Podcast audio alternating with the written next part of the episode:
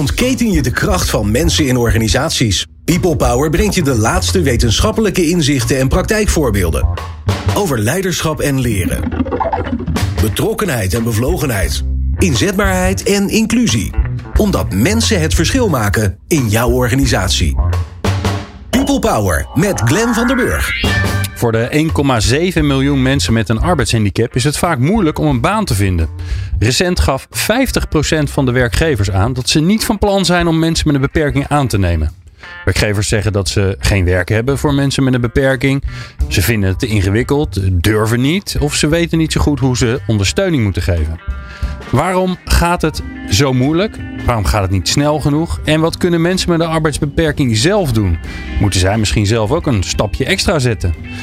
Te gast Rick van Berkel, hoogleraar bestuurs- en organisatiewetenschap aan de Universiteit Utrecht. En Michel de Vries, hij is specialist arbeidsparticipatie bij Vodafone Ziggo. Fijn dat je luistert naar People Power. People Power met Glenn van den Burg. Rick en Michel, leuk dat jullie er zijn. Goedemiddag. Ja, dankjewel. Belangrijk onderwerp waar we het over gaan hebben. Nou, de vaste luisteraar van People Power weet dat dit een van mijn favoriete uh, onderwerpen is. Omdat het ook maatschappelijk zo'n ongelooflijk belangrijk onderwerp is. Uh, Rick, ik, ik begon al een beetje, uh, nou ja, niet heel, niet heel blij en positief over hoe het ervoor staat. Hoe staat het er eigenlijk voor met de arbeidsparticipatie van mensen met een beperking? Nou, het is inderdaad wel een, een issue. Uh, er zijn een uh, jaar of tien, nee niet waar, vijf jaar geleden zijn er afspraken gemaakt tussen sociale partners en de overheid. Uh, de banenafspraak heet die. en de bedoeling is dat er tot 2025 zo'n 125.000 banen worden gecreëerd voor mensen met een arbeidsbeperking. Um, aan het eind van dit jaar moet het dat er 80.000 zijn. En we staan nu, dat was voor de zomer, op 65.000. Dus het gaat niet slecht. We hebben natuurlijk ook nog even de COVID-crisis eroverheen gekregen. En dat is natuurlijk ook niet echt iets wat, wat helpt. Nu zitten we wel weer in een situatie dat de arbeidsmarkt fors aantrekt. Dus dat kan weer nieuwe, nieuwe kansen bieden. Dus er gebeurt van alles. Maar dan zou dus, uh, willen we op koers uh, blijven, dan zouden we dus tot het einde van het jaar zouden nog 15.000 ja. mensen met een beperking klopt. een baan moeten vinden. Ja, klopt. En, en als je nou kijkt hoe het de afgelopen tijd gegaan is, is dat dan realistisch? Nou, het, het, gaat, het ging tot uh, eigenlijk tot aan vorig jaar ging het heel goed. Uh, toen werden de afspraken, met name in de, in de, in de marktsector, werden, werden uh, overtroffen. Uh, dus er is, wel degelijk, er is wel degelijk potentieel zal ik maar zeggen. Maar het is gewoon ook een forse klus. We ja. moeten niet, daar niet al te makkelijk over denken van ja, het is een kwestie van wat mensen aannemen met een arbeidsbeperking en dat was het dan wel. Ja. Het is echt een, een, een, een, een, een, het vereist anders denken van werkgevers. Uh, ook van uh, dienstverleners, die, die werkgevers moeten helpen om dit allemaal mogelijk te maken. Uh, dus eigenlijk is het eigenlijk wel heel goed dat er tien jaar uitgetrokken is voor dit hele verhaal. Want dat, dat, dat, dat leren van hoe, ja, wat, wat, wat, wat, wat kunnen mensen met een arbeidsbeperking? Hoe kun je die op een waardevolle manier inzetten in je organisatie? Hoe kun je werkgevers daarbij ondersteunen? Dat, uh, dat, dat kost wel een aantal jaren om dat uh, kunstje ja. te gaan leren. Daar gaan we het vandaag uitgebreid over hebben. Uh, je zei al even, hè, de, uh, het bedrijfsleven, de, de private organisaties, om het zo maar even te zeggen.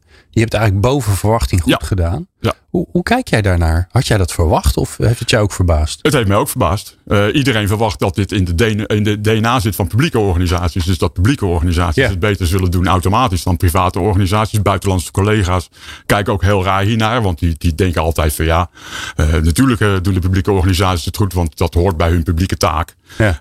en dat blijkt dus helemaal niet zomaar te zijn. Dus okay, er is en, meer aan de hand dan alleen maar wat er in je DNA zit. Zal ik maar zeggen. Maar het heeft ook te maken met hoe innovatief je als organisatie bent. hoe creatief je als organisatie bent, hoe flexibel je als organisatie kunt zijn. Ja. En daar zijn private organisaties misschien toch wel iets beter in dan publieke organisaties. Ja, veranderen wat sneller mee. Bijvoorbeeld. Als ze eenmaal denken, we gaan dit doen, ja. dan, dan gebeurt het ook. Ja. Maar jij zei ook al even, hè, mijn internationale collega's die kijken daar ook bijzonder naar. Want is dit dan alleen voor Nederland uh, specifiek? Of gebeurt het in andere landen juist op dezelfde manier? Ja, dit is, dit is echt een, een, een nou ik zou haast zeggen, een wereldwijd vraagstuk. Hoe krijg je mensen met een arbeidsbeperking beter aan de, aan de slag? Ja. In Europa uh, wordt er behoorlijk uh, in geïnvesteerd. En eigenlijk in, in alle landen wel op de een of andere manier met allerlei beleid en maatregelen. Quota, uh, dienstverlening, loonkostensubsidies, noem het maar op. En het, over heel Europa is de, ligt de arbeidsparticipatie van mensen met een arbeidsbeperking 25% punten lager dan die van mensen zonder arbeidsbeperking. Dus er is ook nog wat een en ander te, te gebeuren. Ja. En, en, en zijn er dan uh, in, in de, jouw, jouw collega's, hoogleraren op andere plekken, die doen natuurlijk ook onderzoek daarnaar. Vinden die het dan gek dat in Nederland het bedrijfsleven het zo relatief goed doet? Ja, die kijken daar wel redelijk verbaasd, verbaasd naar. Ja, ja, ja want daar is dat dus niet zo. Daar is, nee, daar is dat niet zo. Nee. Maar wij zijn natuurlijk ook wel een, een bijzonder land, want heel veel landen in Europa hebben gewoon een quotumregeling. En wij hebben die ja, eigenlijk alleen maar een beetje als een dreigement, uh, uh, zal ik maar zeggen. Dus ja. eerst is de gelegenheid voor werkgevers om het zelf te doen. En pas als ze bepaalde targets niet halen, dan komt dat quotum in beeld. En dat is ook wel een bijzonder aspect internationaal gezien van de Nederlandse situatie. Ja. pandemie noemde je al even. Um, we, we met z'n allen, ook toen dit net begon, heb ik het met onder meer jouw collega Joop Schippers ook gehad. Van wat gaat dit nou doen met de arbeidsmarkt? Mm -hmm. Nou, volgens mij is iedereen verbaasd wat er gebeurd is. En, uh, en dat de economie het zo snel terugveert. Mm -hmm. uh, overigens, als je horeca-ondernemer bent, dan hoor je dit en dan denk je, ja, het zal allemaal wel. Ik heb er ongelooflijk veel last van. Dus het geldt ja. zeker niet overal. Dat, dat moet er ook bij gezegd worden. Maar welke invloed heeft die pandemie nou eigenlijk op deze hele ontwikkeling gehad? Kun je daar al iets over zeggen? Nou, dat is best wel een ingewikkelde. Uh, we zien natuurlijk die cijfers uh, zich ontwikkelen op een bepaalde manier. Uh, en dan hebben we al heel gouden neiging om als dat een beetje anders is dan de trend tot nu toe was, om dat dan maar aan COVID toe te schrijven. Dus, en dat, dat, dat weten we eigenlijk helemaal niet zeker. en we weten ook dat natuurlijk gewoon voor, voor mensen die aan het werk zijn, dit natuurlijk een uitdaging is. Hè? Op het moment dat jij thuis moet werken en je hebt begeleiding nodig bij je werk, ja, hoe organiseer je dat dan?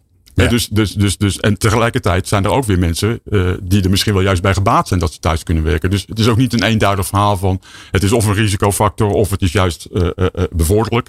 Ja.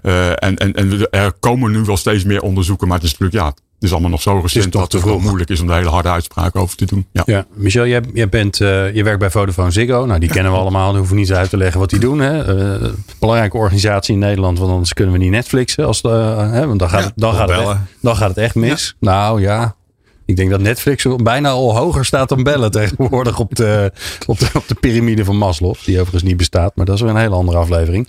Um, uh, die pandemie hè, en de invloed op, uh, op, op de aandacht voor dit onderwerp. Uh, jij kan natuurlijk binnen Vodafone Ziggo zien hoe dat dan uh, zijn werk heeft gedaan. Merk je dat dat dingen in de war heeft geschopt, op pauze heeft gezet of juist niet? Nou, we zijn wel gewoon doorgaan met arbeidsparticipatie. Uh, het is iets rustiger met instroom bijvoorbeeld geweest, omdat het wel wat moeilijker is om mensen ook te bereiken. En uh, wat uh, collega net ook al aangeeft, van als je instroomt en je moet alles vanuit huis leren, is dat soms gewoon veel lastiger. Ja. Uh, dus we zien nou wel wat vertraging in de ambities die we hadden. Maar dat wil niet zeggen dat we niks gedaan hebben het afgelopen jaar. Nee. Uh, nog even naar, uh, uh, want we hebben het al lang over dit onderwerp. Er zijn meer van dit, van dit soort onderwerpen. Hè? vrouwen in de top. Nou ja, er zijn, er zijn veel hardnekkige onderwerpen. Maar dit is er zeker ook één. Ehm, eentje die volgens mij Rino kan ooit een, een, een, een, misstand in de Nederlandse samenleving noemde. Toen hij al ondertussen volgens mij bijna weg was bij de SER. Maar ehm, waarom, waarom is het zo weerbarstig onderwerp? Waarom regelen we dit niet even met z'n allen? Rick? Nou, weet je, we zijn er eigenlijk al zo'n 30 jaar mee bezig. jij noemt Rino Kan. Uh, misschien kan je je Lubbers nog herinneren. Die zei Nederland is ziek uh, toen we ja, bijna ja, ja. Een, uh, eind, of eind jaren 80 een miljoen arbeidsongeschikten hadden. Maar er is heel lang is er vooral het beleid gericht op die mensen. Door ze minder uitkering te geven. Door ze allerlei prikkels te geven om aan het werk te gaan. Alsof het allemaal daaraan lag. Door soms scholingen en trainingen aan te bieden. Okay. Die werkgever is eigenlijk altijd buiten schot gebleven. Terwijl natuurlijk uiteindelijk die werkgever is die bepaalt of iemand wel of niet uh, een baan krijgt in de organisatie. En, en wat ik een van de goede dingen van de afgelopen jaren vind rond die banenafspraak, is dat we nu veel meer aan het kijken zijn van wat kunnen werkgevers nou eigenlijk doen om de drempel van mensen met een arbeidsbeperking te verlagen. En dat is best wel een behoorlijke uh, uh, ommekeer. En dat, dat duurt ook natuurlijk wel even, wat ik net al zei. Maar het is wel een hele fundamentele verandering. Want we kijken nu niet alleen maar meer naar die mensen met een arbeidsbeperking, maar naar de match tussen mensen met een arbeidsbeperking en organisaties en werkgevers. En dat, dat is denk ik wel een hele belangrijke vooruitgang. Ja, zie jij dat ook zo, Michel? Ja, ik denk dat dat heel belangrijk is, maar het is natuurlijk heel de maatschappij. Hè? Want als je uh, als geboren wordt met een handicap of uh, in de loop van je leven oploopt, dan gaat eigenlijk de eerste instantie waar je tegenkomt is uh, de huisarts, de dokter en het UWV en het, de gemeente. En die gaan eigenlijk alleen maar praten over wat je niet meer kunt. En er wordt niemand aan de vraag gesteld, wat zou je nog kunnen? En hoe kunnen we jou zorgen dat je daar weer op dat wenselijke niveau terugkomt als dat realistisch is. Of misschien een niveau lager door een ongeluk bijvoorbeeld. Maar wel dat je weer aan het werk gaat. En dat is uh, werk ook als iemand nu bijvoorbeeld een ongeluk krijgt en uitvalt. Dan kom je bijna automatisch in spoor 2 uh, eh, terecht, zeg maar, bij het UWV na twee jaar. Ja, in heel die periode daarvoor wordt eigenlijk nooit gevraagd door een revalidatiearts of wat dan ook. Hoe kom je weer aan het werk? Of hoe blijf je weer aan het werk? Ja. En dat is een omslag die in de maatschappij zou moeten plaatsvinden. Want daardoor uh, gaan kinderen ook uh, naar een ander onderwijssysteem. Gaan ze studeren als de mogelijkheden er zit. Dus wordt de arbeidsmarkt ook voor hun heel interessant. En de werkgevers voor hun ook interessant omdat ze dan hoger opgeleid zijn bijvoorbeeld. En hoor ik jou ook zeggen, uh, onze maatschappij is ingericht voor het gemiddelde. Dus, dus als, je, als je te veel afwijkt van dat gemiddelde, uh, waar dan ook, dan, uh, ja, dan heb je gewoon een probleem. Dus wijk je te veel af van, van, de, van, de, van, van, wat je, resultaten die je moet halen als student of de tijd die je door moet maken, dan kom je niet in de opleiding. En datzelfde geldt voor, voor een vacature. Als je niet door het gaatje ja, past, dan uh, val je uit. als je het, uh, het vierkantje bent dat het rondje moet, dan heb je een probleem. Ja. Omdat je, ja, heel veel werkgevers bijvoorbeeld passen de uren niet aan. We willen er niet naar kijken. Opleidingen die willen niet kijken van, goh, en we hebben vier jaar voor deze HBO-opleiding, maar misschien door jouw beperking, omdat je vaak naar het ziekenhuis moet of wat dan ook. Doen we er zes jaar over. Nou, dan kom je bij de werkgever. Dan ziet die werkgever, goh, je bent toen begonnen met je opleiding. Zes jaar later pas afgerond. Wat heb je in die tussentijd gedaan? Dan, ben je, dan val je waarschijnlijk al bij de eerste selectie al af. En dan kom je dus nooit aan het werk. Nee. En wij proberen daar als Vodafone Ziggo een beetje anders naar te kijken. Dus door die mensen te vragen, wat heb je nodig om succesvol te zijn? En gewoon met hun in gesprek te gaan. Mooie vraag. Ja, mooie vraag. We gaan natuurlijk straks nog veel meer horen van jou. Uh, hoe jullie dat dan doen. Ja, nee, je bent er lang niet van af. Uh, Rikke, even dit. Hè, dat, dat, dat op zoek gaan naar een bepaald soort mens. Uh, en of dat nou in het on onderwijssysteem is. of dat je dat doet in vacatures. Als ik de gemiddelde vacature tekst lees, voor zover ik dat doe, want meestal haak ik na de eerste twee zinnen al af. Want het begint namelijk altijd met ben jij en niet uh, wil jij. Of, mm -hmm. uh, dus er wordt bijna, bijna nooit in, in omschreven wat ik er eigenlijk aan heb om bij iemand te gaan werken. Maar er wordt altijd andersom gedacht. Mm -hmm.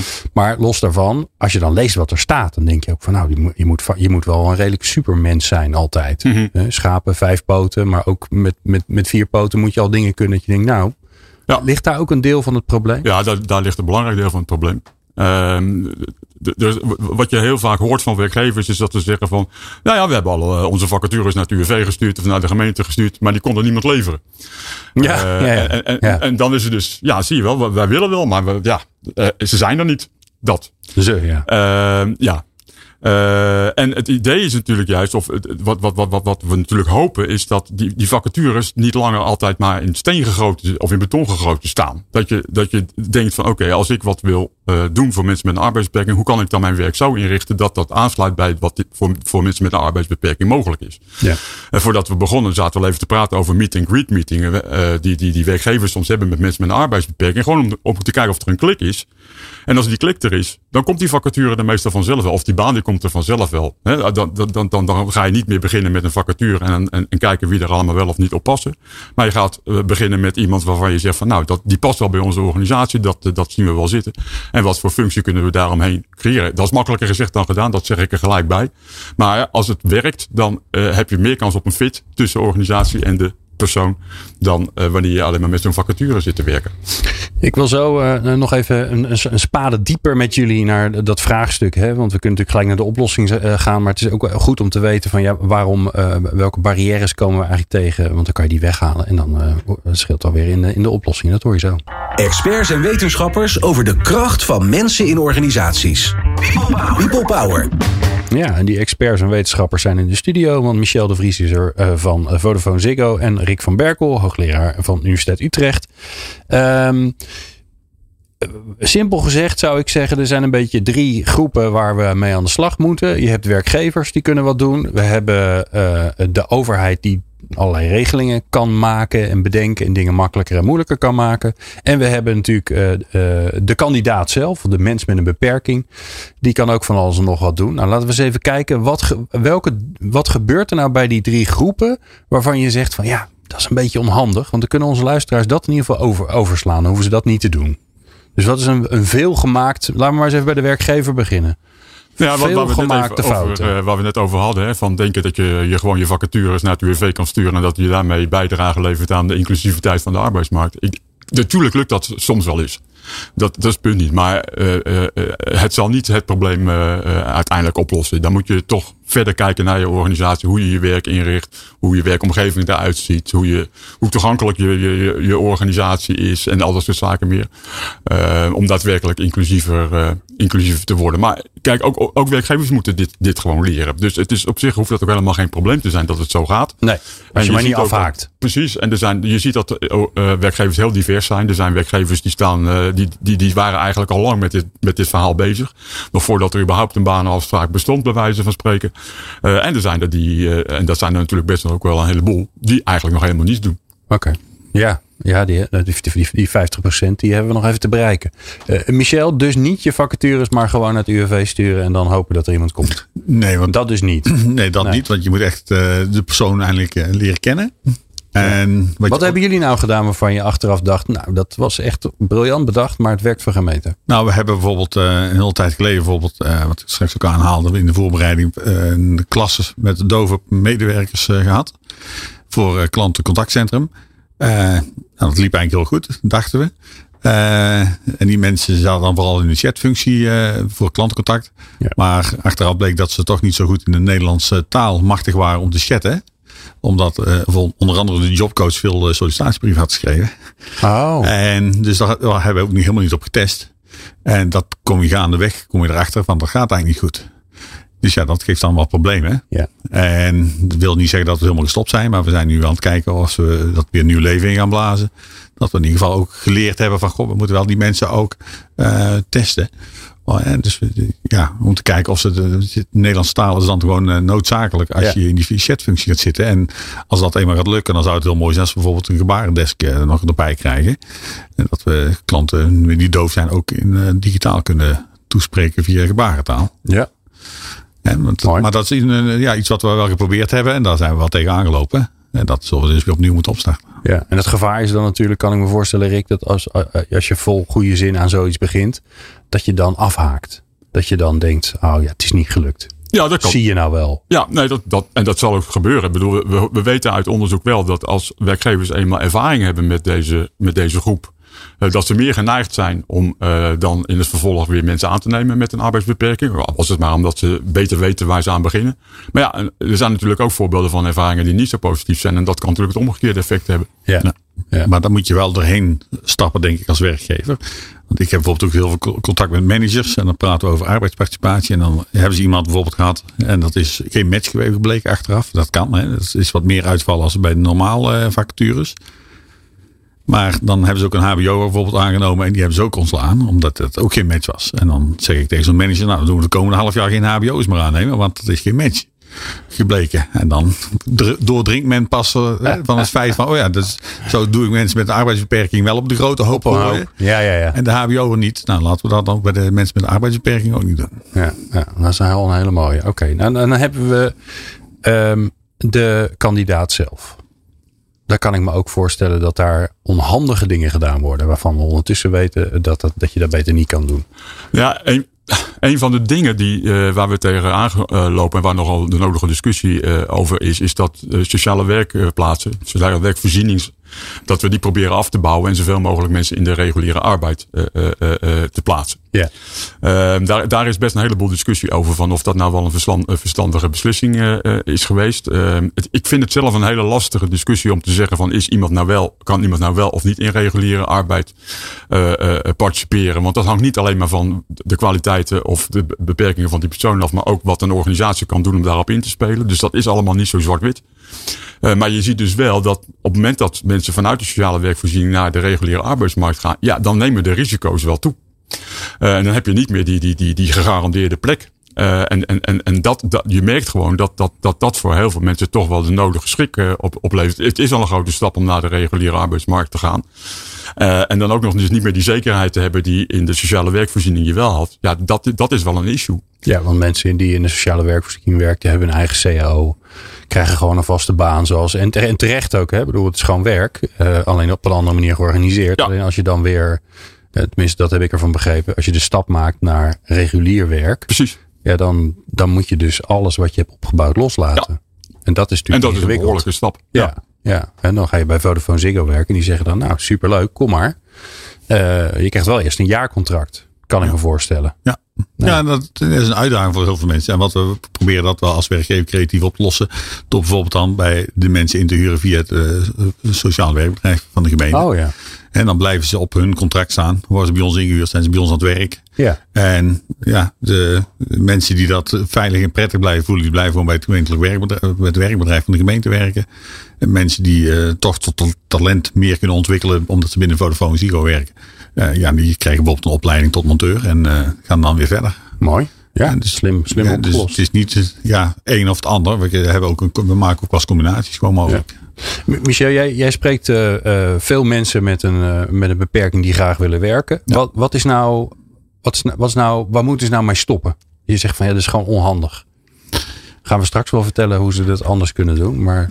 Nou, ik denk, ik denk dat veel mensen ook misschien zichzelf even moeten kijken wat voor talent ze hebben.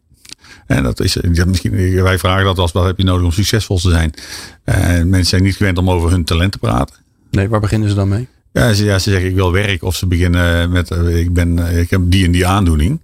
Ja, en dat vind ik eigenlijk als werkgever helemaal niet interessant. Nee. Ik wil weten wat ik moet doen, eventueel extra moet doen om die mensen aan het werk te krijgen.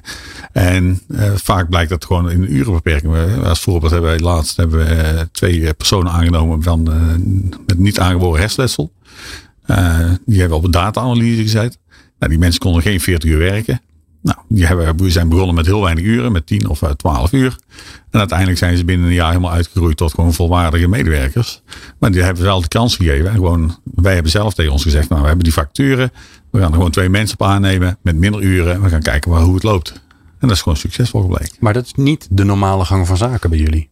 Nee, de normale gang van zaken is dat mensen gewoon gezocht worden voor, ja. voor 40 of 46 dus wat, wat, is er dan nodig om, uh, om dat voor elkaar te krijgen? Want ik kan me ook voorstellen dat een, dat een leidinggevende denkt, ja jeetje, gedoe allemaal, ik heb het al zo druk.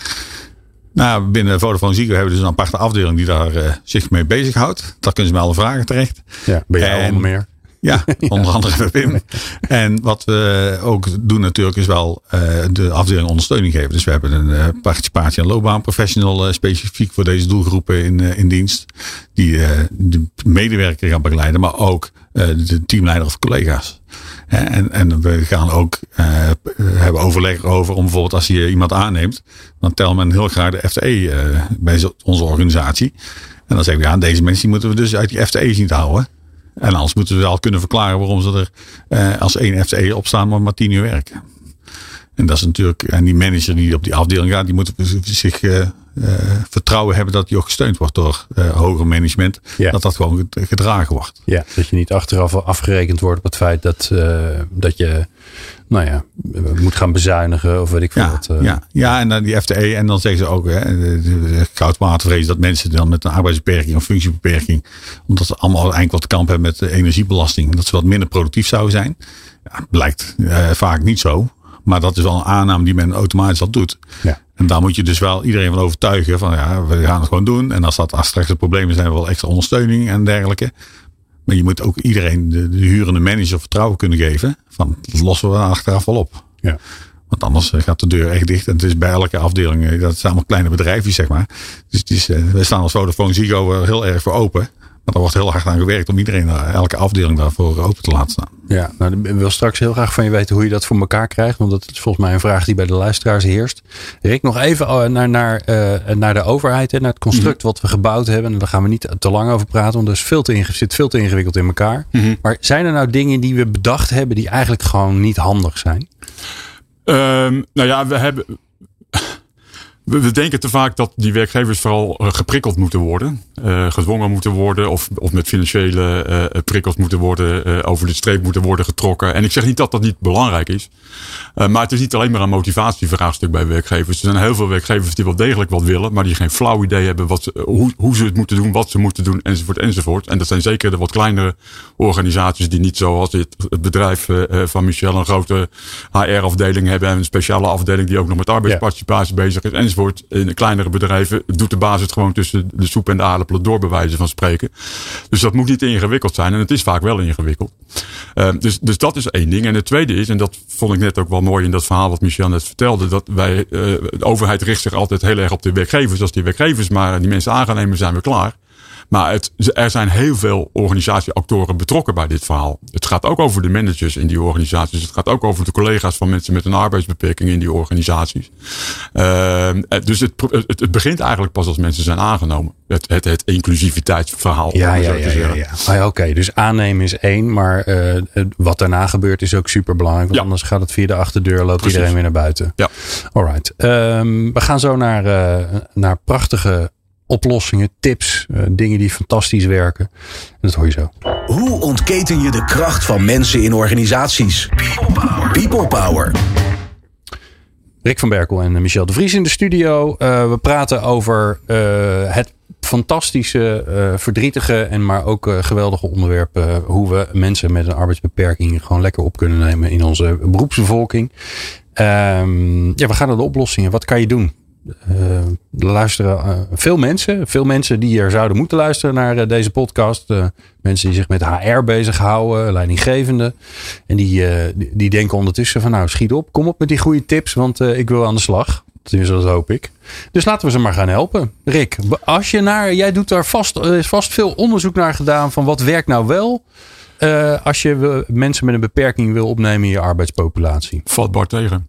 Oh ja? ja. Wat nou, jammer. Er, er, er, gebeurt wel van alles, maar we weten eigenlijk helemaal niet zo goed wat er nou eigenlijk het beste werkt. Zal ik maar dus, zeggen. Dus je, eigenlijk is dit een oproep van jou dat er iemand met een grote zak geld jou moet helpen, zodat je daar mooi onderzoek naar kan doen. nou, zo bedoelde ik het eigenlijk niet. Nou, maar mag wel. Er, er, wordt heel makkelijk gepraat over allerlei best practices, alsof er uh, bepaalde praktijken zijn die voor elke organisatie werken. En daar ben ik wel enigszins uh, beducht voor dat dat niet altijd het geval is. dus daar moeten we wel een beetje voorzichtig mee zijn. Terwijl mensen die in het veld zitten graag hun eigen praktijk natuurlijk als een best practice willen verkopen. Maar vragen altijd wel even van wat zit er nou eigenlijk voor bewijs achter, ja, achter ja, dit hele ja. verhaal. Ja, ja. Dus vandaar ja. dat ik daar En de wat, context is anders, bedrijf is anders, cultuur is anders, Absoluut. de branche is anders. Ja. Dat is eigenlijk je ja, en dat gaat niet alleen maar over, over, over zeg maar de, de harde criteria. Organisaties Ze zijn groot of klein, of privaat of publiek, of werken vooral met hoog of lager opgeleiden. Maar ze kijken ook anders naar het vraagstuk van de inclusiviteit, of naar de uitdaging van inclusiviteit. Er zijn organisaties die zeggen, ja, we hebben allemaal een beperking. Dus waarom zouden we nou zo veel anders moeten doen voor mensen met een beperking? We moeten gewoon fatsoenlijk met onze mensen omgaan. Maar er zijn ook organisaties die uh, uh, best wel wat willen doen, maar dan het gevoel hebben dat ze eigenlijk een soort uh, sociale werkvoorziening zijn, zal ik maar zeggen. Dus dat ze ergens een plekje in hun organisatie creëren waar mensen met een arbeidsbeperking hun gang kunnen gaan en een bijdrage kunnen leveren. Maar wel in, in redelijk isolement, zal ik maar zeggen. Ja. Dus, Ja. dus, dus, dus organisaties kijken ook heel anders naar, die, naar, naar, naar, naar mensen met een arbeidsbeperking en wat inclusiviteit betekent. En daar, moet, daar moeten we voorlopig het wel even mee doen. Uh, het heeft niet zoveel zin om te zeggen van ja, die, die, die laatste groep organisaties is niet interessant. Want misschien dat die organisaties na verloop van tijd wel leren uh, ontdekken van wat mensen met een arbeidsbeperking voor hun organisatie kunnen betekenen. Voor, Ja. voor, voor, voor, voor, voor hun bedrijf, voor hun klanten, voor hun collega's, voor de collega's in de organisatie. Maar dat, ja, dat kost gewoon even tijd. Nou, ik moet je eerlijk zeggen dat. Uh, um, uh, ik heb zelf ook mensen met een beperking in dienst gehad. Uh, drie fantastische mannen. En uh, waar toevallig wel allemaal mannen. Dus dat was nu weer niet zo heel, heel divers. Maar ik kan je wel zeggen dat ik ongelooflijk veel van ze heb geleerd. Vooral over dat ik dacht. Ja, maar eh, ik ga toch met iedereen op dezelfde manier om. En ik kijk daar toch helemaal niet naar. Nou, dat is onzin. Hè? Hmm. Ook ik had uh, mijn diep gewortelde, ver weggestopte uh, vooroordelen, angsten en noem maar op. Um, maar die, het feit dat ze bij ons zijn gaan werken, was voor mij eigenlijk misschien wel de beste interventie ooit. Om, er, om erachter te komen hoe je, ja, hoe, je, hoe je echt met mensen om kunt gaan. In de brede zin des woords. Ja. Dus gewoon om, om te kijken naar wie ben je eigenlijk. En, en, open vragen te stellen. En uh, nieuwsgierig te zijn naar wie ze zijn. En dus niet in te vullen. Want dat deed ik dus wel. Ik vulde heel veel in. En dan, nou, dan kwam ik elke keer weer achter dat het nogal stom was voor mezelf. Um, dus uh, ik gun dat iedereen eigenlijk Ja. wel. Nou, ik denk dat dat ook de enige oplossing is om door mensen met in gesprek te gaan met mensen. Als je op dit gebied uh, gaat doen, maar dat doe je eigenlijk met iedereen, moet je echt met mensen in gesprek gaan. Ja. Want je kunt uh, vier mensen uitnodigen met dezelfde spierziekte bijvoorbeeld. En uh, toch hebben ze allemaal net iets anders nodig om aan het werk te kunnen bijvoorbeeld. Dus je moet echt in gesprek gaan. Maar er is geen standaard oplossing. Die groep is zo breed wat wij noemen met mensen met een functiebeperking of arbeidsbeperking. Ja, er zijn uh, ruim 1,2 miljoen uh, uh, werkloosheid daaronder. De mensen die, of die mogelijkheden hebben om te kunnen werken. Ja. ja, maar er zijn ook 1,2 miljoen verschillende aanpakken die je nodig hebt. Ja, dus we hebben het de hele tijd over mensen met een arbeidsbeperking. En eigenlijk kunnen we wel concluderen, die groep die bestaat gewoon niet. Ja. Hè? Dus dat, dat is een beleidsmatig vakje waar we mensen in Ja. kunnen stoppen. Maar het zijn al- allemaal net zoals Ja. dat wij hier zitten. Allemaal mensen en die zijn allemaal anders. Dus dat geldt voor werkgevers ook. En ja, ja, en, Ja, die- en werkgevers bestaan ook niet. Hè? Dat is ook weer een beleidsmatig vakje. Ja. Nee, dat klopt. Nee, maar, maar om succesvol mensen met arbeidsbeperking eh, in dienst te nemen, is ook echt gewoon kijken naar talent en wat je nodig hebt als bedrijf of, of afdeling. Echt goed te gaan kijken van, eh, en eh, je, zei, je noemde het straks schaap met vijf poten. En als je die vindt, heb je sowieso iemand met een arbeidsbeperking in dienst, denk ik. Want Ja, ja. normaal heb je maar vier poten. Dus dat is een hele mooie. als je dat dan streeft, maar je moet gewoon kijken wat hebben we eigenlijk nodig. En wat kan het talent dat we tegenover ons hebben, kan dat, wat kan die allemaal invullen? En wat moeten we misschien gaan herverdelen in een bepaalde functie? Eh, ja, de, de, schaap met vijf poten heb ik niet, maar misschien met drie poten kom ik ook een heel eind. En dan kan ik bijvoorbeeld bepaalde functies eh, eh, die bij die functie horen ergens anders neerleggen. En dan kan ik bijvoorbeeld weer iemand daar een functie aanbieden. Het, het klinkt alsof je zegt, eh, Michel, je, je gaat veel meer kijken naar wat je, eh, wat, je aange, eh, ja, wat je aangeboden krijgt als werkgever. Van welk talent kom ik nou tegen? En hoe kan ik die nou in mijn organisatie passen? In, in plaats van dat je dat andersom doet. Hè? Want dat is natuurlijk Ja. toch een beetje het werkgeversperspectief. van nou weet je, ik heb even goed nagedacht. Dit moet iemand allemaal kunnen, want dat werk heb ik liggen. En dan krijg je inderdaad die schaap met vijf poten of die zelfstartende geen 9 tot 5 mentaliteit. Nou ja, met al die eh, bullshit eh, titels die iedereen Ja. eraan geeft. Eh, die accuraat is en creatief en nou noem maar, noem maar op allemaal. En die moet kunnen puntlassen, maar ook de koffie Ja. in- in- op een charmante manier Ja, maar dat, maar dat zou je eigenlijk bij alle functies moeten doen. Want als je zogenaamd dus aanhalingstekens een gezonde persoon aanneemt. Eh, dan zit hij ook waarschijnlijk misschien wel 20 of 30 procent van zijn taak te vervullen per week. Wat hij of geen zin in heeft of wat hij de capaciteit niet voor heeft. Ja. En nou ja, als je iedereen doet wat hij zin in heeft. En dat talent heeft en zich volledig kan inzetten. Dan is hij en gemotiveerder. En ben je veel productiever. En laat dan die 20 procent die hij die hij laat vallen. En laat je er iemand anders oplossen. Merk je dan ook bij, bij jou, want eh, we praten ook over Vodafone Ziggo, alsof Ja. iedereen daar hetzelfde is. Natuurlijk ook niet zo. Hè? Dus de leidinggevende daar zit ook anders Ja. in elkaar. Merk je dan dat als je een leidinggevende hebt die, die, in, die in die talentgedachte gelooft, hè? van je, je hebt dingen waar je, waar je goed in bent of die je leuk vindt om te doen, maar dingen ook die, waar die je misschien minder leuk vindt, die moet je eigenlijk niet doen. Merk je dan dat het daar soepeler gaat? Omdat die toch veel meer me- ja, kijken men- naar. Managers die meer op talent eh, kijken. En dan gaat het soepeler maar mee. Om instroom te genereren. Hè? Want Omdat je ook makkelijker bijvoorbeeld zegt. Ja, dan kan ik. eh, eh, dit is echt, moet ik echt hebben binnen de afdeling. Dus dat vult echt aan. En dan hou ik misschien wat taken over. En dan zou ik bijvoorbeeld eh, met een, we hebben van praktijk ook geschoold tot hooggeschoold. ook in het, binnen die doelgroepen zitten. En dan kan ik die taak misschien wel laten vereenvoudigen door iemand anders laten invullen. Ja. En dan zit er natuurlijk ook een salarisverschil in. Want daar zit ook een. Dus uiteindelijk hoef je niet echt veel duur te worden op een. Ja, ja. Nou, dat is, is misschien ook wel een, een, van, die, een van die mogelijke veelbelovende praktijken. eh, eh, eh, dat, dat dat heel belangrijk is van hoe het landt binnen de organisatie. Eh, dat organisaties soms de neiging hebben om, dat, om, om het grootste aan te pakken. Terwijl ik weet niet precies hoe ze dat bij Vodafone hebben gedaan. Maar je, je vaak hoort van begin nou kleinschalig. En ga eens eens kijken van in, in een afdeling waarvan je het gevoel hebt van da, daar, daar heb ik wel een leidinggevende zitten die daar gevoel voor heeft. En daar is wel een positieve houding. Om eens te kijken hoe dat gaat. Zodat je ook binnen je organisatie een goed voorbeeld kan hebben. Wat het makkelijker maakt om het uit te rollen. Ook bijvoorbeeld Ja, ja. naar andere afdelingen. Maar ik weet niet, Michel, of jullie dat ook zo bij Ja. Vodafone gedaan hebben destijds. Ja, we- ja wij, wij rollen het eigenlijk ook kleinschalig uit. Want soms is het een individuele eh, plaatsing. Dus we hebben echt een functie voor iemand. eh, niet altijd een functie gecreëerd. Maar dan hebben we wel met één afdeling eh, bij één factuur. En daar gaan we echt naar kijken. En we doen het ook wat groter tegenwoordig. Hè. We hebben nu ook een. eh, bijvoorbeeld, we zijn nu op zoek naar 30 eh, mensen in de monteursfunctie. Eenvoudige monteursfunctie. Maar dat is echt, die hebben we echt alleen maar opengesteld voor mensen met een arbeidsbeperking. Oh. Dus daar zijn we heel. En dat het grappige is wel dat dat dan één afdeling hebben het lang over gelobbyd, zeg maar. Nou, die hebben daar groen licht op gegeven. Maar even, even terug. Je hebt dus je hebt 30 mensen nodig. Die had je sowieso al nodig. En daarvan hebben jullie gezegd: gaan we alleen maar mensen met een arbeidsbeperking Ja, het is, een- is een eh, Dus je lichte monteur. positief discrimineren. Wij gaan we dat dan. positief discrimineren. Ja, we gaan. eh, ja, ja. Wauw. ja, het is dus een lichte monteursfunctie. Hè, en daar kan altijd, dan kun je dan verder groeien, dat weet je maar nooit. Maar het is een lichte instap, zeg maar. Ja. Eh, dus met eh, eenvoudige werkzaamheden. Ja, door door heel het land hebben we er nu 30 eh, zijn we aan het zoeken. Nou, weet je nog iemand? Dan uh, moet je even op zoek naar Michel de Vries. Ja. Uh, of uh, bel aan bij Vodafone Ziggo Extra. Dan 30 ja. man. Ja, ja, nee, 30 mensen. 30 Sorry, mensen. Zie je? Ik ga toch wel weer te makkelijk zelf weer de genderstereotypering in. Moet ik ook voor oppassen. Um, ja, te gek. Ja, ja, en wat ook wel belangrijk is, denk ik, bij, voor heel veel werkgevers, is je, je moet dus echt kijken naar talent en wat iemand kan toevoegen aan je bedrijf of aan je afdeling of aan je team. En laat je niet snel verleiden door van, uh, dat je uh, zegt van, oh, maar ik vind dit zo'n zielig verhaal. En dan ga ik daarmee beginnen. Dat je op, op pad gaat met, met een kandidaat onder je arm. Ja, ja. En dan, uh, ook als je als kleine, zelf, kleine werkgever bent, dan kan zo'n verhaal je raken. En dat is ook alleen maar goed. Maar als het dan het talent er niet is, wat jij nodig hebt, dan wordt het nooit geen succes. En dan loop je uiteindelijk loop je ergens vast met z'n tweeën. Ja. En dan moet je voorkomen. En dan moet je eerlijk zijn. En zeggen, ja, je hebt, dus je moet heel goed kijken naar het talent dat je nodig hebt. En wat aanvult in je team. En daar moet je een match bij maken. Ja. Michel, neem ons nog even mee. Want um, uh, bij jullie loopt het goed. Dit zijn allemaal prachtige voorbeelden.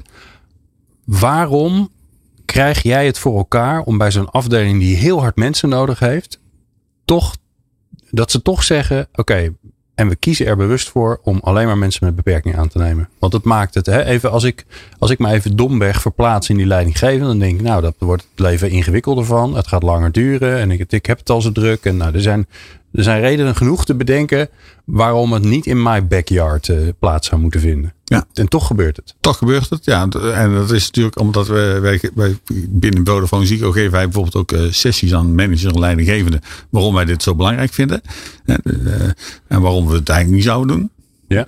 Dus het zou gewoon de normaalste zaak van moeten worden. Nou, die, deze afdeling, die managers daar dan weer door geraakt. Oké. Okay. En wordt bevlogen. En wij bieden daarbij natuurlijk ondersteuning. Wij gaan ja, maar even, even stoppen. Want nu er is iets moois gebeurd. Jullie uh, hebben bijeenkomsten en dan vertellen jullie een verhaal. En dan komen met voorbeelden vast en zeker. Ja. En dan die, eens een van die leidinggevenden, die is geraakt. Wat gebeurt er dan? Belt hij jullie op? Zegt hij van wanneer ik wil hiermee aan de slag? Ja, in dit geval ja, zijn we gewoon weer uh, het vervolggesprek aangegaan. En toen heb ik gezegd. Ja, maar hij doet iets. Wat doet hij überhaupt? Vult hij formulieren in? Of, uh? nee, nee, nee, nee. Er zijn gewoon persoonlijke gesprekken. En toen zijn we met elkaar in gesprek gekomen. Toen hebben we okay. deze functie bedacht. Waar we eigenlijk uh, bij Vodafone Ziggo worden er externe bureau, bedrijven ingehuurd om die werkzaamheden te doen. Ja. En toen hebben we gezegd, ja, dan kunnen we veel beter gewoon zelf doen. Met mensen met een arbeidsbeperking. Oké, okay, dus in gesprek met die leidinggevende ja. ontstaat dit idee. Ja, ontstaat het idee. Maar het begint bij het, bij het, het gevoel wat die leidinggevende heeft van dit doet me iets en ik, ik, ja, het, ik wil hier uh, iets aan bijdragen. Door, wij noemen het awareness sessies, uh, raak je de mensen. En door het hoe je verhaal te vertellen. En ook natuurlijk te vertellen van, je staat er niet alleen voor. Wij, uh, binnen okay. Vodafone Zero is er een afdeling, er zitten zes mensen tegenwoordig. Die ondersteuning kunnen bieden op alle gebieden. Ja. Maar onder andere bijvoorbeeld de, de participatie en loopbaanprofessionals. Die dus zijn een soort uh, jobcoach, iets meer dan jobcoach is. Binnen intern. Ja. Ter ondersteuning van zowel de medewerker die instroomt. Maar ook van de leidinggevende en de manager. Oké, okay, dus je haalt ook gedoe weg. We halen waar, waar ik het eigenlijk over had. Ja. Die zei ja, weet je, je als je inderdaad als... Uh, uh, als, als, als baas van de, van de zaken dit nog uh, tussen de, wat zei je, de soep en de aardappelen doet, dan, Ja, uh, ja. dan loop je tegen een hoop Nee, we gedoe het aan. gedoe weg. Want bijvoorbeeld uh, de werving doen wij, kijken we heel erg mee. De kandidaat wordt voorgesteld. Daarna heeft, is er gewoon een kandidaat en wordt dan een medewerker. Maar alles wat er omheen zit, qua uren, eventueel loonkosten, subsidies, noem het allemaal maar op. Dat nemen wij allemaal over. Ja. Hoe, hoe belangrijk is dat, Rick, dat toch dat emotionele, dat, dat mensen raken? Hè? Want ik, ik kan me, wat ik, wat ik veel meegemaakt heb, is dat mensen. Eigenlijk vindt iedereen wel dat dit moet gebeuren. Mm -hmm. Maar er zijn heel veel. Er is heel veel rationalisatie waarom het niet bij jou zou moeten gebeuren. Mm -hmm. Het is een beetje, uh, een beetje alsof je donor, uh, donor wil worden. En dat je zegt, nou, ik vind het heel belangrijk dat er de orgaandonoren maar zijn. Maar ik, uh, als ja. ik dood ben, geen gesnij in mij. Ja. Nou, je, je hoort het wel heel veel bij als je, als je werkgevers spreekt die uh, uh, inclusief zijn, zal ik maar zeggen. Die dus mensen met arbeidsbeperkingen in dienst nemen. Dan hoor je dat, dat, dat, dat, dat, dat verhaal van affiniteit hebben. Zelf misschien in de familie iemand hebben met een arbeidsbeperking. Of het al eens een keer eerder hebben meegemaakt in je organisatie. Je hoort, je hoort dat heel veel. Dus kennelijk doet het er wel degelijk toe om als, als een soort uh, intrinsieke driver om, om, om wat te willen betekenen. Ja. En wat je ook ziet, en we hebben natuurlijk veel over, als, uh, zo over Michel's organisatie. En dat type organisaties zijn natuurlijk hele grote organisaties. Ehm, het is wel interessant dat, dat, dat je wel vaker ziet dat grote organisaties een medewerker participatie hebben. zoals Michel, die zelf een arbeidsbeperking heeft. Dus ook weet waar hij het over heeft. En, en, en dat zou misschien ook wel eens een ander verhaal op kunnen leveren binnen die organisatie. Maar we moeten ook niet vergeten dat natuurlijk de grootste werkgelegenheidscreator in Nederland is het midden- en kleinbedrijf. Ja. Die hebben geen, uh, vaak geen HR-afdelingen, die hebben geen expertise in huis rond dit thema. Dat, dat waren met name de, de bazen uh, die ik in gedachten had Ja. uh, toen we het daar net over de soep en de aardappels hadden. Ehm, en, en, en dat, de vraag is wel even van of dat niet bijzondere aandacht in dat ontzorgen met name vragen. Want je, ik, je, ik kan me wel heel goed voorstellen dat als een MKB'er wat wil, dat hij het ook sneller voor elkaar krijgt dan bijvoorbeeld uh, bij Vodafone, uh, Ziggo uh, of andere grote organisaties het geval is. Want dan heb je toch wel met heel veel, nou ja, toch ook bureaucratie te maken, zal ik maar zeggen, in zo'n ja, organisatie. Ja, als de baas wil, gebeurt het gewoon. Precies. het nadeel precies. is dat, ik kan me voorstellen dat je bij jezelf denkt, je hoort deze aflevering en je denkt, ja, ik wil dit eigenlijk ook al lang, ik ga het gewoon doen. En dan vervolgens bel je aan bij misschien het loket wat ervan is. Gemeente of UWV of, nou ja, waar, waar moet je eigenlijk aanbellen? En dat je dan. Werkgeversservicepunt. Ja. In je arbeidsmarktregeling. Ja, nou, kijk. Dat moet je zijn. Maar die als, je, als, je, als, je, als je, een, als je, als je een, een, een, goed verhaal wilt hebben. Want ik denk dat heel veel uh, organisaties hebben. Ja, maar die WSP die vertrouw ik niet. Die hebben hun eigen belangen. Dus ga dan eens een keer met je collega's praten. Of ga naar, iets, naar een groep als de normaalste zaak. Waar heel veel inclusieve ondernemers bij elkaar zitten. Waar heel veel ervaring is opgedaan. Of het AWVN. Waar ook uh, uh, behoorlijk wat expertise is. Ja. Om gewoon eens van, van een andere oor. Ja. Of bel Michel. Ja. Maar ik wil het niet zeggen. Want anders Nee, krijg je het een beetje te druk misschien. Maar bijvoorbeeld ook onbeperkt aan de slag. Dat is ook een Ja. speler die het vanuit de medewerker eh, benadert. Ja. En dus die, het UWV en het WSP, die, daar kan ik me het gevoel bij hebben hoor. Dat je dan denkt van, nou, er komt iemand die eigenlijk niet gemotiveerd is. En dat idee zou je kunnen hebben. En dan heb je bijvoorbeeld bij onbeperkt aan slag. En bij andere uh, punten heb je dat veel minder. Omdat daar mensen zichzelf moeten inschrijven. Ja. Maar ik hoor jullie eigenlijk ook allebei wel zeggen. Het gebeurt in dat echte, dat gewoon dat, die ontmoeting. Dat contact, dat gesprek. Ja. De ontmoeting, ja, die Ik moet gewoon plaatsvinden. En, en weten als werkgever, uh, wat heb ik echt nodig? Hè? En dan niet het samen vijf poten, maar wat, uh, die functie die je in gedachten hebt, wat is nou het, echt het minimale? Wat je, als je dat niet kunt, dan kun je die functie ook niet uh, functioneren. Ja. En alles wat je meer mee plus hebt bij die medewerker is mooi. Dat is meegenomen. Ja, is ja. meegenomen. Ja. Die zitten, die zitten, die krijg je er gratis bij. Ja. Mooi. Rick, heb jij nog een, een laatste tip, uitsmijter, uh, waarvan je denkt, ja, dat uh, de aflevering is niet compleet zonder dat we dat uh, meegegeven hebben? Ja, ik, ik, ik denk, en dan kom ik ook weer even terug op de overheid, van dat het heel belangrijk is om in de gaten te hebben dat je, dat je die werkgevers niet even zo reguleert dat dit allemaal vanzelf wel goed komt. Maar dat je die werkgevers nodig hebt. Uh, uh, zowel als beleidsmakers, maar ook als beleidsuitvoerders. Dus bij, in die werkgeversservicepunten bijvoorbeeld. Dat je samen moet werken met die werkgevers om deze klus te klaren. Want niemand weet op dit moment precies hoe het moet. Nee. Dus maak daar een, een, een, een, een co-productieverhaal van, bij wijze van spreken. En ga niet proberen om die werkgevers even zo te reguleren dat je dat allemaal voor elkaar krijgt. Want dat gaat niet lukken. Mooi. Ik dank jullie zeer uh, voor uh, al jullie wijsheid en, uh, en kennis. je hebt geluisterd naar Rick van Berkel van Universiteit Utrecht en Michel de Vries van Vodafone Ziggo. En natuurlijk veel succes natuurlijk met het onder de aandacht blijven brengen van dit belangrijke onderwerp. En jij bedankt voor het luisteren. Meer luisteren? Ga naar peoplepower.radio en abonneer je op onze podcast.